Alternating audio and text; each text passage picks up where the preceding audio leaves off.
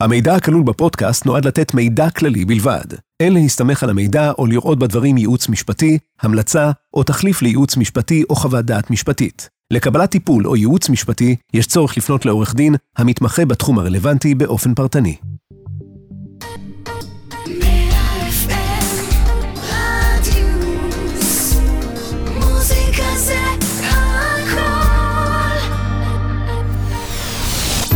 נדל"ן על הזמן, פודקאסט על התחדשות עירונית, עם עורך הדין ארנון יהב.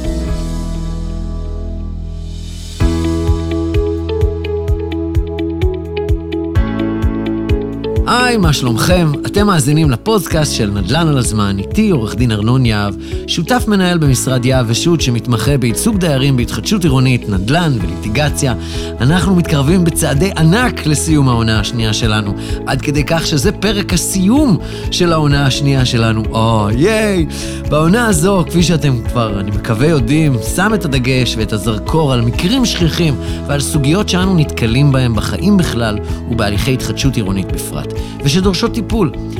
גם היום נבין את הדילמות, את האינטרסים, נבחן את הפתרונות האפשריים ונבין את אופן קבלת ההחלטות של כלל השחקנים. וכמו תמיד, אני גם נותן טיפים שאני מקווה שיסייעו לכם. אתם יכולים להאזין לפודקאסט במגוון פלטפורמות, באפליקציה או באתר של רדיוס 100 FM, וגם בספוטיפיי, באפל פודקאסט או בגוגל פודקאסט. חפשו נדל"ן על הזמן. נתחיל בסיפור המקרה של האדם, הומו ספיינס. אה, לא, לא נפלתם על פודקאסט של יובל נוח הררי, זה לא הרעיון, אבל אני רוצה לתת לכם קצת קונטקסט, קצת הקשר בסוגיה הזו. תגידו, אנחנו בתור חיה, אנחנו המהירים ביותר, אנחנו, יש לנו את העיניים הטובות ביותר, יש לנו את האוזניים הטובות ביותר, חוש הטעם, ריח, ואפילו לא את היכולות הקוגנטיביות המרשימות ביותר מבחינת אה, משקל מוח לגוף. אז, אז, מה, אז מה, מה הקטע? איך הגענו ל, ל, למעלה אה, שרשרת המזון? אוקיי? אחד מהכלים. יש כל מיני תשובות לשאלה הזו, אבל אחד מהדברים שמפרידים ושבאמת מאוד מאוד משמעותיים זה השימוש שלנו בסביבה, בכלים, יצירת כלים מהסביבה, אוקיי? אז כן, אולי יש כמה חיות, כל הכבוד לנמל, לנמלים ועל המבנים שהם בונים, אבל זה לא בדיוק uh, Empire State Building, אוקיי? יש לנו פה הבדל מאוד גדול גם בהיקפים, וגם חיות שלומדות אחת מהשנייה, זה לא בדיוק מערכת החינוך. אנחנו נמשיך לתוך החיבור בין העין לידיים, וכמובן, שימוש בכלים. אם אתם רוצים ללכת ולפגוש אריה, אוקיי? עם מה תבואו?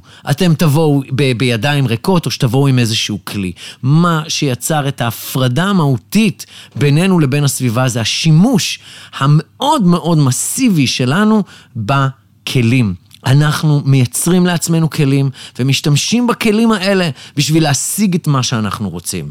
כלים, הישגים. כשאנחנו באים אל האריה, כשאנחנו באים אל, אל אותה ממוטה שרצינו להוריד, אז אנחנו באנו עם כידונים, באנו עם חרשי חץ, באנו עם כלים שיעזרו לנו להשיג את המטרה שלנו. ושימו לב למילה השנייה, לנו. אז יש לנו פה את שני האלמנטים, מהו הכלי ומי יכול להשתמש בו. אותו דבר בדיוק קורה לנו בהתחדשות עירונית. אנחנו צריכים כמות מסוימת של שיתוף פעולה בשביל להגיע למקום שבו הכלי ש, שניתן לנו, נוכל להפעיל אותו ולהשתמש בו בשביל להשיג את המטרה. אז יש לנו כמות ויש לנו איכות או כלי. מה אבל הבעיה? הבעיה היא זה שהקימו לנו המדינה, המדינות יושבות, ואנחנו, אם מישהו זוכר את הפרק השני בסדרה שלנו, אה, אה, של העונה השנייה, דיברנו על מרכז הופסטד, אחד מהאלמנטים שבו מדינת ישראל עסקית שונה מאוד משאר העולם, זה חוסר אמון מאוד מאוד גדול ברשויות ובסמכות, מה שהיא לא תהיה. אה, אנחנו מדברים פה על 87 אחוז, זאת אומרת ציון מאוד מאוד נמוך, 13, זה אחד מהציונים הנמוכים ביותר, גלובלית. לתמיכה ולסמוך על הארגונים האלה. אז מה קורה?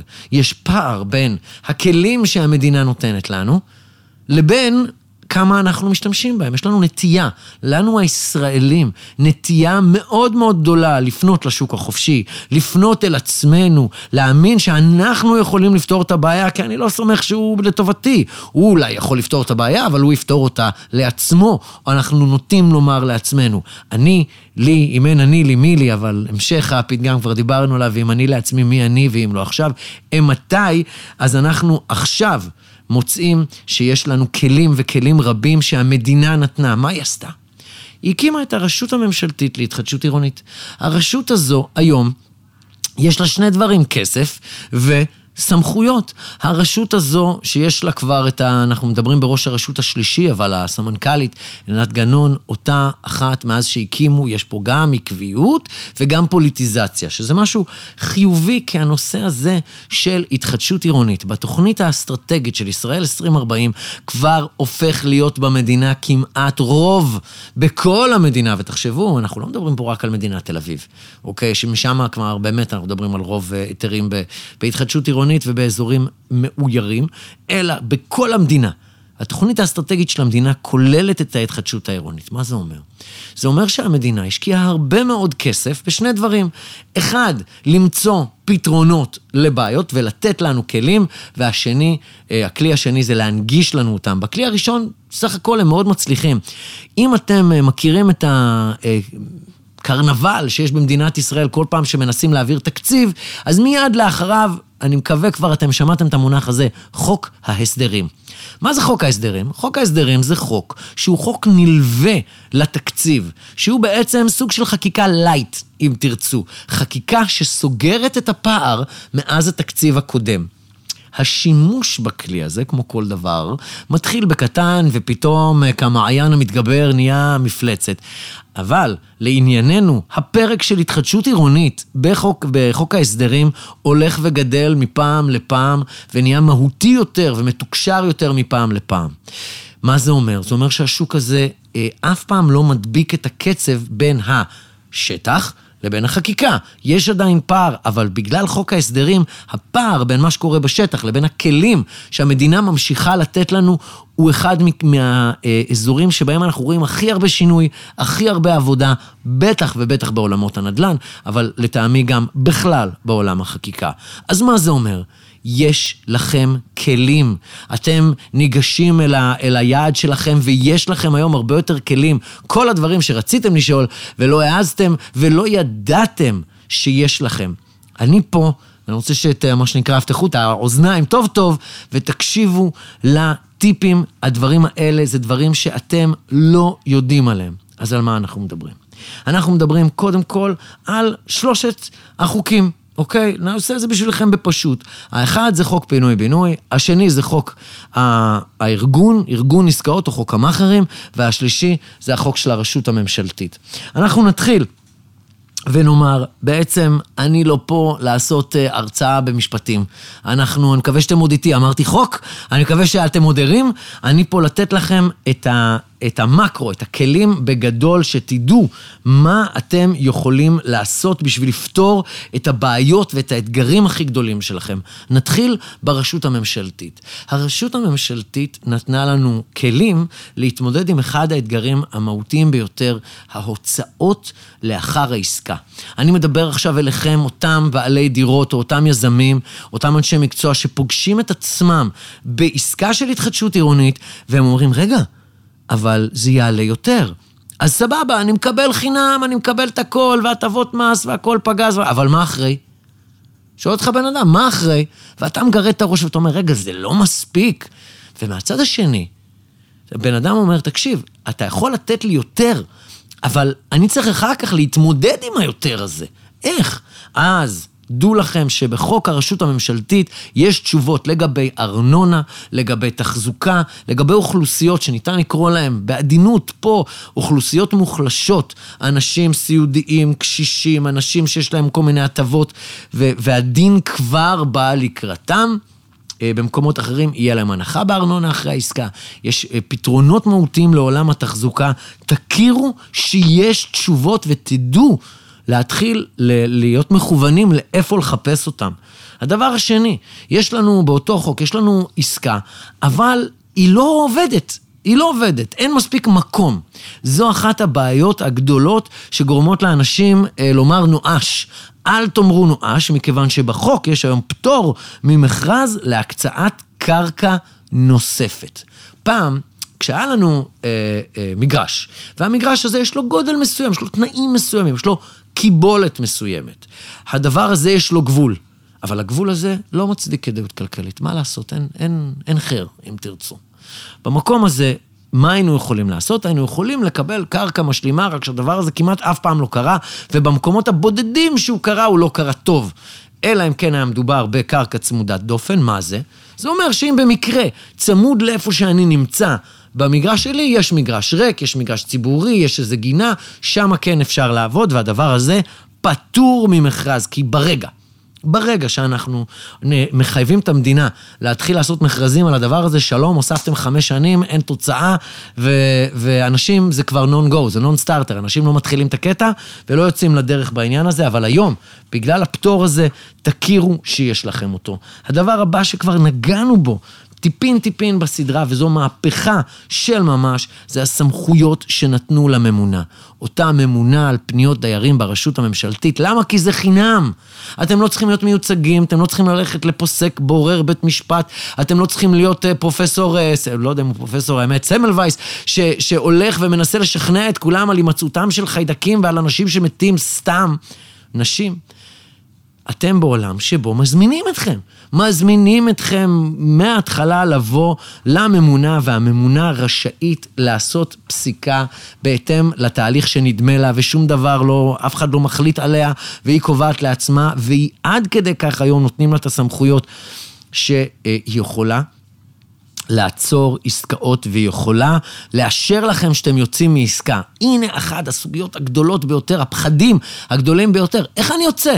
אני חתמתי עם יזם, איך אני יוצא מהעסקה הזו? אז התשובה היא זה שיש לכם את הממונה על פניות דיירים, זו הפנייה הזולה ביותר. האם עדיין שווה לכם ללכת שם בלי עורך דין?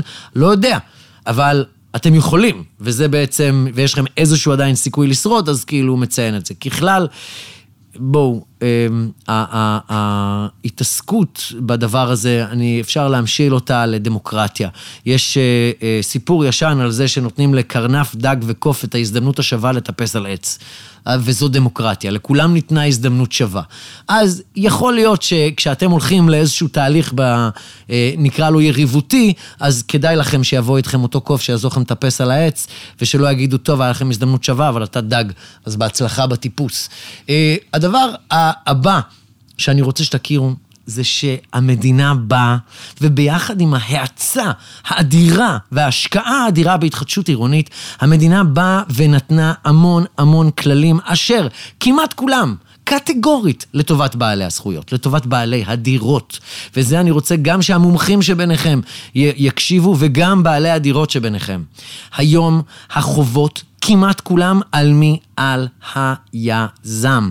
היזם חייב לתת המון, המון המון מידע.